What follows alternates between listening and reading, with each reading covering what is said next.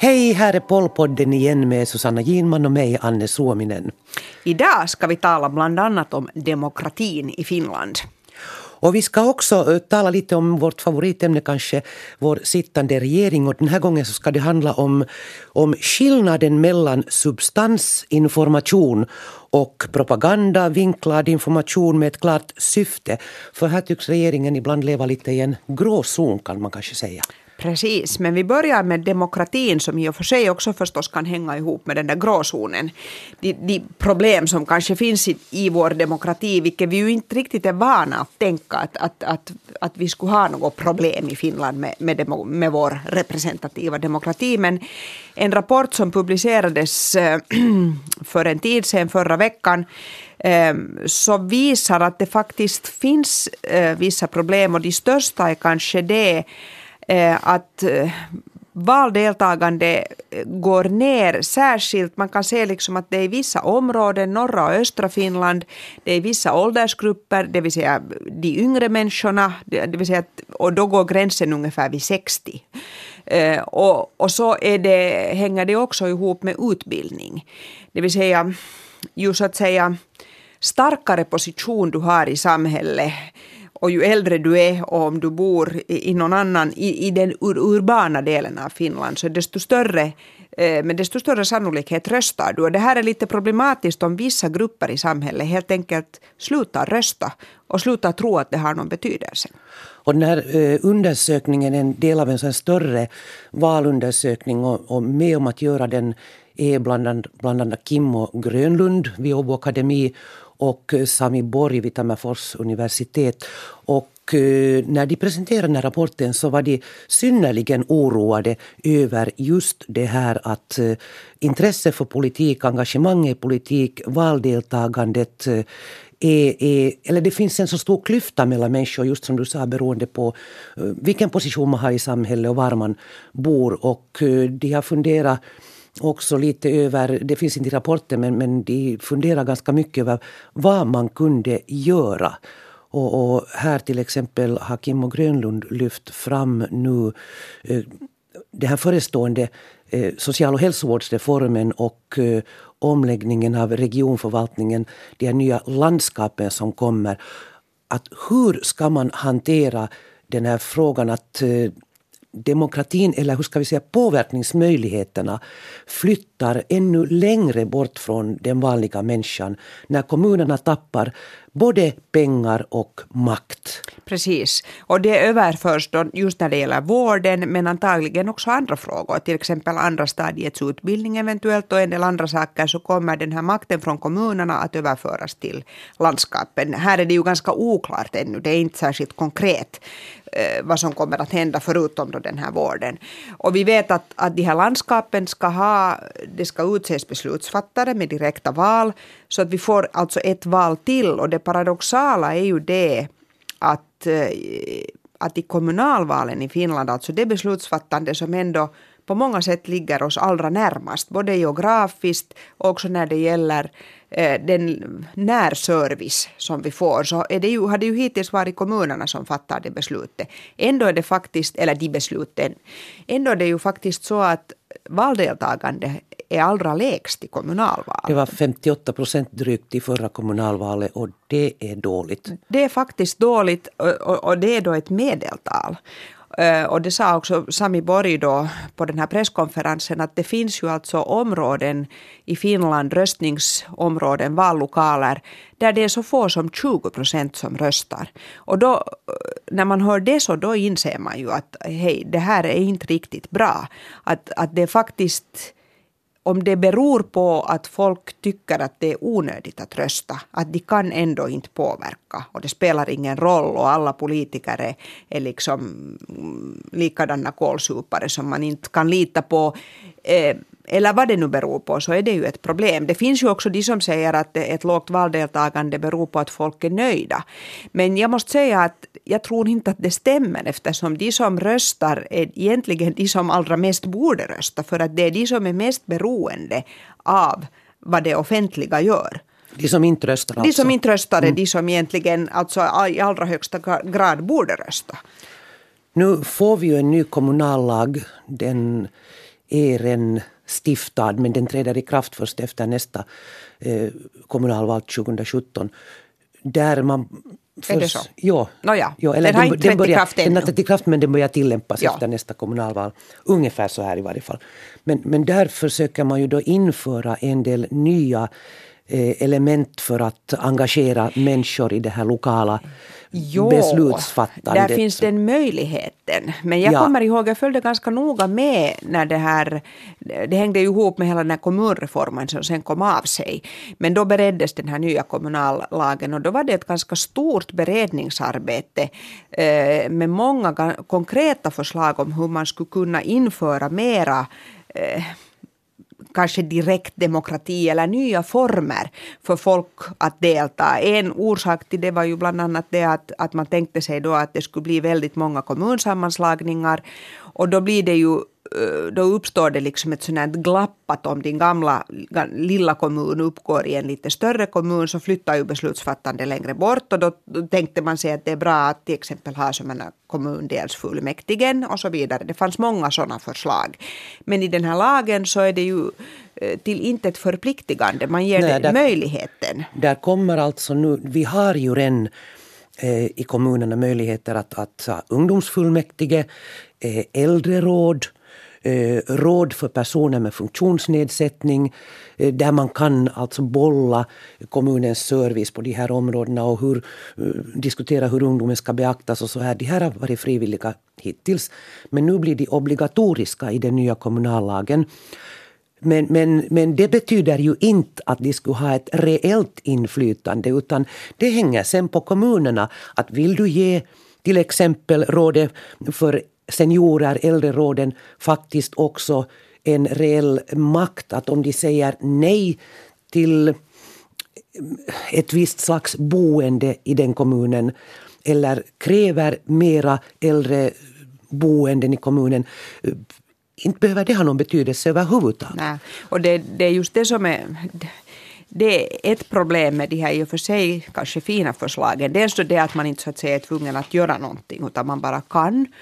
Och, och tyvärr blev nog mitt inte bara intryck utan slutsats av den här processen kring kommunreformen och kommunallagen att det finns inte intresse varken bland politikerna eller bland tjänstemännen att utvidga eh, det här Politiker vill väl sällan demokratibegreppet. ge ifrån sig. Nej. Och tjänstemännen tycker också att det bara är besvärligt Ja. om, om nya människor börjar blanda sig i. Här kommer vi in nu på det här problemet när du säger ordet besvärligt med, med det här, de här nya vårdområdena, landskapen.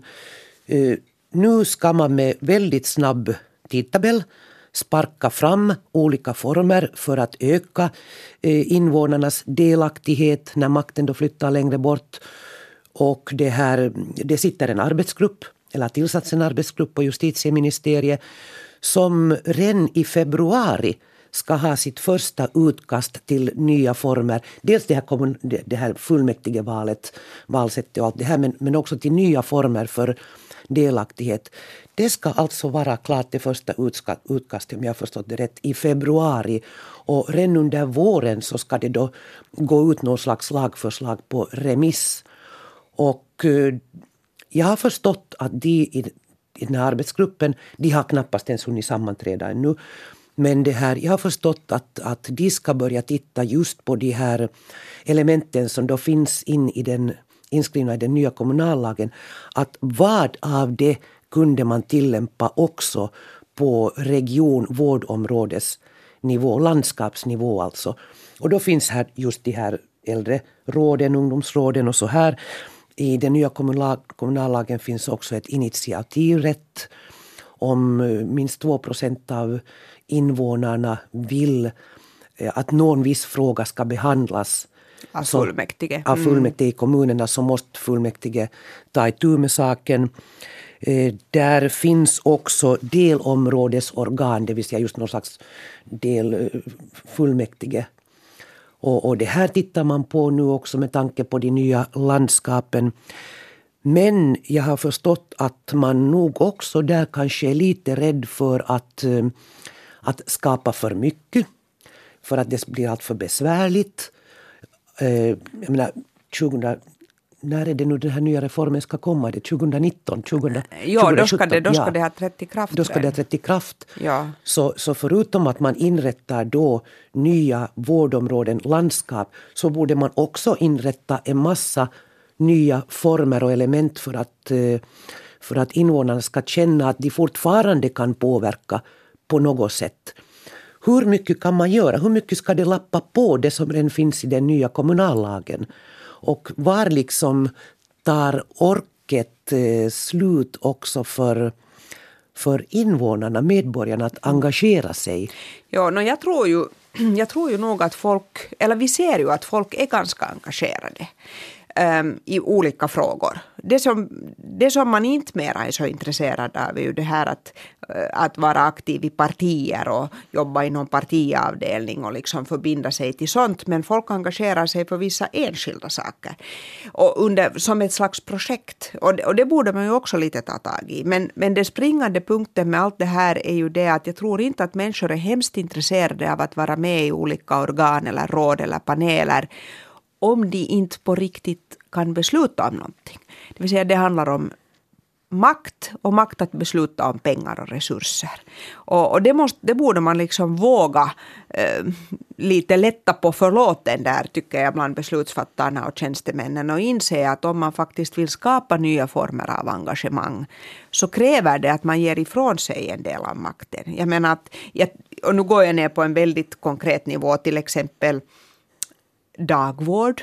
Att varför skulle inte eh, daghem kunna ha eh, ett råd liksom som består av barnens föräldrar. Och, eller och som, den egna hälsocentralen eller den egna, av de precis, som besöker. Precis. Att då skulle man få liksom en sån brukardemokrati och, och, att de också skulle ha möjlighet, jag menar det är klart att de har inte obegränsat med pengar och makt, men att de skulle till exempel ha en summa som de kan förfoga över och göra eh, det som de vill göra med. Men det där, mm, men att det här är nog en ganska central fråga just så här, det kan inte vara så en lekdemokrati. Nej. Vi kan ju titta lite på till exempel eh, England. Där har de någon form av medborgarråd i sina grevskap som då motsvarar våra blivande landskap ungefär med regionala val och så här. De här medborgarråden eh, fungerar eh, som någon slags paneler. Man kan anmäla sig till dem via nätet. Eh, jag tror att de också plockar in utgående från invånarfördelningen, alltså yrkesgrupper och, och ålderskategorier, ålderskategorier så att de blir på något sätt representativa. Och de här panelerna byts ut med jämna mellanrum. Det kan handla om flera tusen människor i ett medborgarråd. Där man då bollar eh, helt konkreta beslut som, som planeras. Allt från planläggning till social och hälsovård. Och, och, faktum är att under den förra regeringen här så gjordes det ju en sån här demokratipolitisk redogörelse. Och nu, nu är vi och alltså hemma i Finland igen. Ja, så där nämndes eh, medborgarråd som en möjlighet. Och det fanns också inskrivet i regeringen Katainens eh, program, program att eh, sådana ska främjas. Men om vi tittar på hur det fungerar i, nu är jag inte så grymt insatt i den här brittiska modellen, men eh, det tycks då vara ganska stor aktivitet kring de här medborgarråden. Folk deltar gärna och diskuterar och vedrar fritt. Och så eh, beaktas det på något sätt men inte har de någon beslutande makt där heller. Sen med jämna mellanrum så ordnas det sådana stora riksomfattande eh, generalförsamlingar kan vi ju kalla dem. Och nu senast i september, nej ursäkta november, 25 november hölls ett så nationellt, eh, eh, en nationell samling kring hälsovården. Eh, där man då bollar och diskuterar till exempel vården av människor, servicen för människor som har fått eh, diagnosen demens. Då alltså vården i ett ganska tidigt skede. Där diskuterades eh, möjligheterna att eh, eh, minska antalet prematur död, död, dödlighet, alltså prematurdödligheten. Och den här typen saker det, när, när jag läste lite på om, om hur de jobbar så, så landade jag ju på termer som fantastiskt och grymt livlig diskussion och jättebra och allt så här. Och, och man lovar att jag ska gå vidare också. Okej, eh, forskare här har också eh, nämnt den brittiska modellen. Men om vi då tittar på valdeltagande så i det förra regionalvalet i England så låg valdeltagande där på drygt 30 procent. Att det går liksom inte alltid hand i hand Nej. det här engagemanget och valdeltagande. Ja, man kan förstås också säga så här, och det stämmer säkert, att de som engagerar sig i sånt här är kanske människor som redan tidigare är engagerade och sådana som säkert också röstar. Men, men ändå tycker jag att vi ser liksom en sån nedgång nu i det här förtroende för det politiska systemet och politiker och intresse för att rösta. Att jag tycker att alla goda råd så måste man liksom försöka använda. Och här i Finland så har ju faktiskt Kimmo Grönlund, professor vid Åbo Akademi, han leder ett sådant här projekt där man har direkt testat olika former.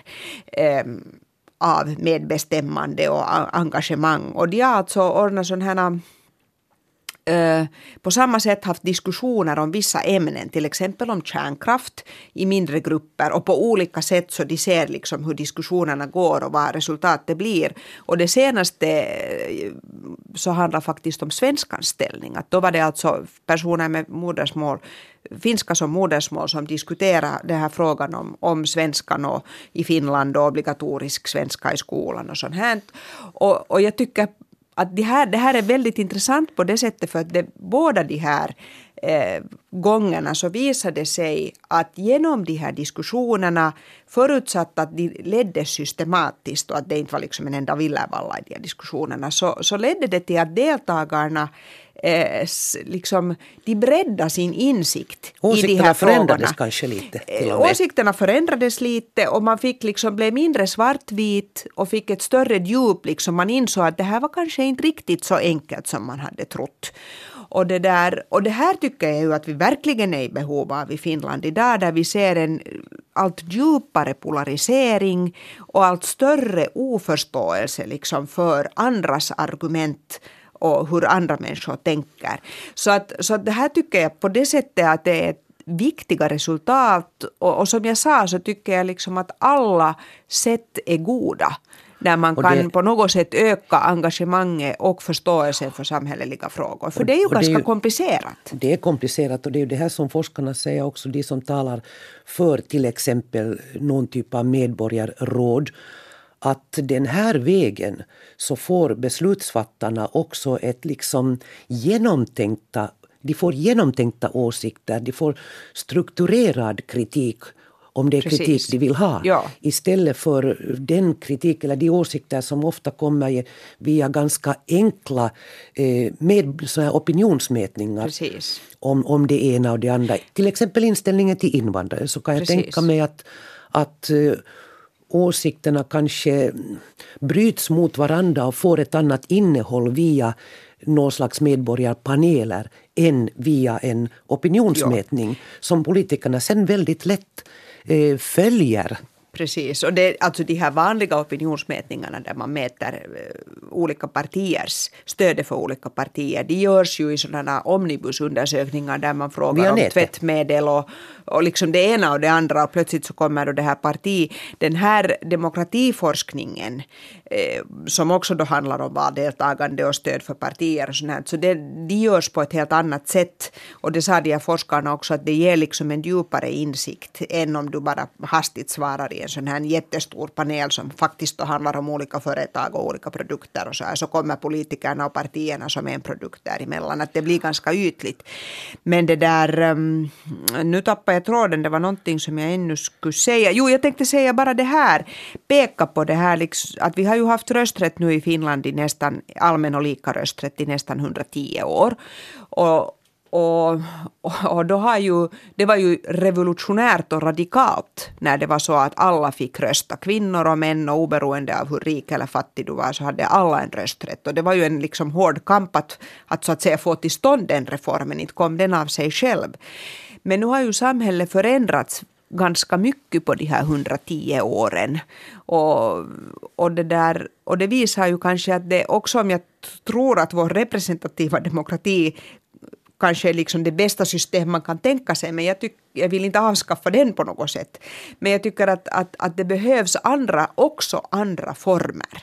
Och man talar ju ofta om att folk ska ha en känsla att de kan påverka, och då är vi igen vid det att jag tror inte att den där känslan räcker hemskt långt, utan det, utan det måste också liksom finnas reella möjligheter påverka. Här måste man nog säga att, att, att den forskning som, som görs kring de här problemen så så den ger ju ganska mycket eh, för politikerna att ta tag i om de så vill. Att nu har ju eh, statsminister Juha Sipilä, eh, hur ska vi säga, han har ju uttalat sig om allsköns docenter som han inte ger så mycket för som, som tycker det ena och tycker det andra. Men nu när, när, när den nya landskapsförvaltningen ska byggas upp så, så skulle jag nog ge honom rådet att kanske lyssna lite på allsköns docenter och i synnerhet de här som i åratal har forskat kring eh, demokratin och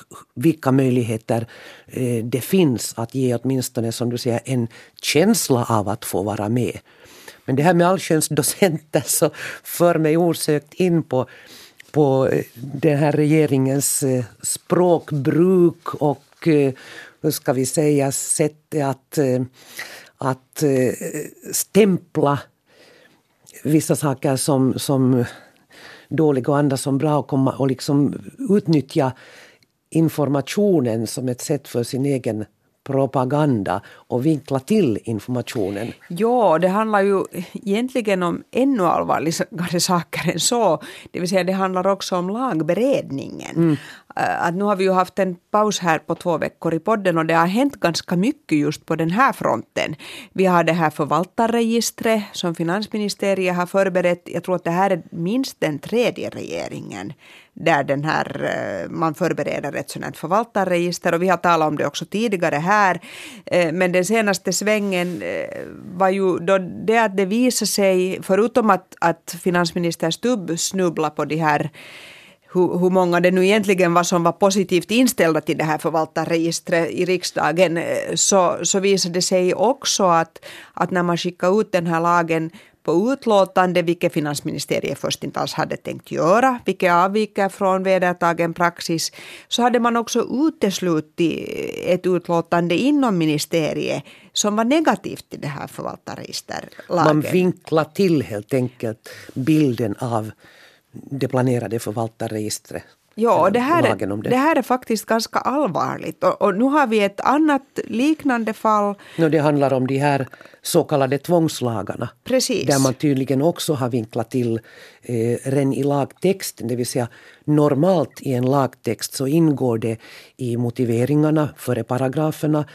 Det ingår bakgrund man bollar de planerade förändringarna mot hur det ser ut i andra länder, hur de lägger sig gentemot till exempel internationell lagstiftning. Vilka konsekvenser Precis. förändringen kommer att få. Och nu när man skickar ut de här så kallade tvångslagarna, det är ju ett ord som regeringen inte vill använda utan det handlar ju då om de som de säger sysselsättningsfrämjande lagarna där man är ute efter att revidera arbetsvillkoren. Ja, eller konkurrenskraftslagarna. Ja.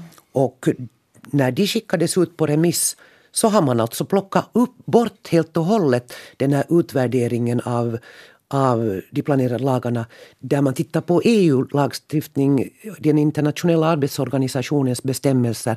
Hur... Jag tror att det var uttryckligen när det gällde olika EU-konventioner. Ja, det kan att det var just ja. EU-konventionerna. Ja. Som där... man helt hade lämnat bort, alltså problematiska, där det kan uppstå problem. Och, och det, här, det här liksom följer inte alls den Nej, det praxis. Här kan, det här kan man ju tolka som så att man har helt enkelt lämnat bort det för att ingen ska komma på att titta lite närmare på den saken. Oppositionen eller experter. Och, no, en rad experter har faktiskt påtalat det här nu, författningsexperter. Och, och så, så att uh, regeringen klarar inte riktigt det här. Nej, och står kanske då igen för det faktum, nu har vi ju inte eh, sett hur de där lagarna är utformade och vi har inte heller sett utlåtandena för att de är på kommande först efter att vi bandar det här. Men, men, eh, men, men det här står i, i en ganska bjärt kontrast till hur lagar ska beredas. Och jag måste säga att jag uppfattar att, att de här tjänstemännen som nu ska bereda olika sådana här lagar, att, att de råkar ganska illa ut om det är så att, att det ställs krav på dem att de ska så att säga göra någonting som är liksom politiskt ändamålsenligt. När de de facto, deras uppgift är ju att vara opartiska och liksom ta med allt som kan påverka den här lagen och alla aspekter. Så att man, det är ju det som är en beredning, att man ser på helheten så gott det går. Plus att de är ju också i kläm nu vad gäller tidtabellen för ganska många lagar. Vi pratar än om, om de här demokratiaspekterna på landskapsförvaltningen och vad man ska föra in där för att öka folks engagemang och inflytande. Men nu när vi talar om de här så kallade tvångslagarna så där har också ledande tjänstemän sagt att de gör så gott de kan men om det här ska vara klart på si och så många veckor eh, när det normalt för en sån här omfattande komplicerad lagstiftning kan ta upp till flera år så, så jag menar, ja, vad ska de göra? Vad, ska de göra? Ja, precis. Och, och så, så får de en politisk styrning som, som eller eventuell politisk styrning som säger att se nu till att det här och det här och det här kanske inte skrivs in där och det här utlåtandet inte beaktas. Så jag skulle inte vilja vara tjänsteman i en sån situation. Nej, dessutom är det ju så att nu bantas det ner överallt så att jag menar, de sitter inte, tidigare sa man ju att statens, att, att man har en, ett säkert jobb inom den, inom den offentliga sektorn och inom staten, men det stämmer ju inte alls mera. Jag menar att när folk är rädda för hur det ska gå med deras jobb så, så det, det komplicerar också ytterligare det, fast det här är nu, det finns ju inte några klara planer nu på att skära ner antalet tjänstemän just nu i ministerierna, men i alla fall. Um, att, att det, här är, det, det, här är inte alls bra och det här är tyvärr, man kan inte säga att det här är en utveckling som har börjat under just den här regeringen Sipilä, för att det här såg man helt klara tecken på redan under den förra regeringen. Uh, och det, det fanns flera exempel på det. Så att det där, mm, det här är en, faktiskt en oroväckande utveckling. För att vi har ju också, under den förra regeringen handlade, handlade det ju ofta om det att man, förr tillsatte man ju ganska sådana breda kommittéer som när man startade ett lagstiftningsprojekt. Och i kommittéerna hade man sen med en massa olika, inte bara tjänstemän utan också olika intresseorganisationer och andra som så att säga berördes. Och, och det är klart att det här tar tid. Men då får man ändå en ganska bred uppfattning och en bred beredning. Och sen det är klart att i slutändan handlar det alltid om politiska val. Det är ju helt klart och de är beroende av eh, hurdan regering man just då har. Men, men, eh, men det är jätteviktigt att det i beredningen finns med alltihop. Och, och, och, och nu ser man liksom flera tecken på att det här håller på att luckras upp. Och det hör inte till, det, det vill jag ännu säga eftersom vi börjar med demokratin, det här hör inte, det hör inte hemma i ett, ett demokratiskt system. Men nu har, om, om vi tittar på bred beredning så nu har ju regeringen i varje fall kanske tagit skeden lite i vacker hand när det gäller då de här Eh, lokala avtalen. Meningen är ju att, att det ska bli möjligt, eller mera möjligt än hittills, att göra lokala avtal om arbetsvillkoren. Det vill säga i praktiken till exempel sänka lönerna om det går dåligt ändra för företaget. Ändra arbetstider. Och det, den lagstiftningen bereds nu i en treparts arbetsgrupp, riktigt traditionell där man har plockat med arbetsmarknadsorganisationerna. Och, och, det handlar ju inte om någonting annat än att regeringen har inte riktigt råd mera att liksom låta saker och ting falla eh, på grund av att man inte har hört och inte tagit med och inte förhandla på riktigt. Att läget är så pass inflammerat på arbetsmarknaden.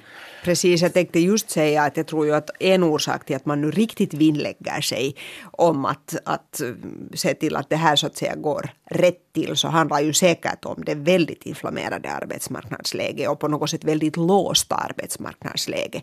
Att nu tror jag att regeringen är ganska mån om att, att, att så att säga förbättra eh, sina egna relationer, särskilt kanske till facket Eh, och, och annars också liksom framstå som, som, som att man vill vill förhandla och man är, det går att diskutera. Och så här, det tyckte jag att att blev ganska tydligt på, på det som till exempel mm, näringsminister Olli Rehn sa igår. Han är centerpartist och också Jari Lindström som ju är arbetsminister och, och sannfinländare. Att, att, att man, man gav ett ganska ödmjukt intryck. Ja, man vill återuppbygga förtroende och medbestämmande ska öka och, och allt det här. Men om vi drar ihop den här podden, våra hälsningar, så kanske man kan, kan eh, uppmanar regeringen, som jag sa den tidigare, att, att för en gångs skull när det gäller demokratiutvecklingen lyssna på allsköns docenter och, och professorer. Och, professorer och eh, de som har forskat i saker och kan de här sakerna har en uppfattning om hur det skulle göras på ett vettigt, förnuftigt sätt. Och, och vi kan kanske uppmana regeringen att, att vara lite noggrannare med sin lagberedning. Precis. Och sen ska jag säga vad vi ska prata om i vår nästa podd. Aha, det här är en överraskning också för mig. Nej, nej, nej, nej. Vi är nämligen båda, om allt vill sig väl, på väg till eh, julglögg Just hos det. statsminister Sant. Juha Sipilä. Och det gick till så här, och jag tror att det var lite hur ska vi säga, panikreaktion hos statsministern. Ja, jag tror att du har rätt. I, i, vi fick alltså en inbjudan eh, inte vi två utan Nej, många journalister alla journalister nästan som är akkrediterade tror jag vid statsrådet. Ja, kanske. vi fick en inbjudan till traditionell julglögg hos statsrådets informationsavdelning så var det en väldig kalabalik nu kring det här så kallade samhällsfördraget som föll och, och, och förvaltarregistret har varit, har varit mycket aktuellt. aktuellt och så vidare. Så över en natt förvandlades den här glögginbjudan till en glöggmottagning hos Juha Sipilä ja, i Villa på Villa Bjällbo.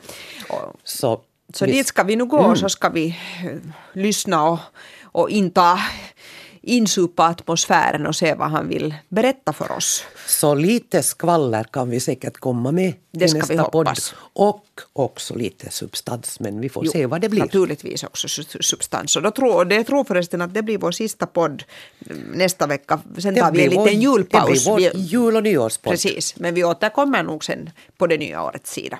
Fint. Tack för oss. Tack, hej då. Tack, hej hej.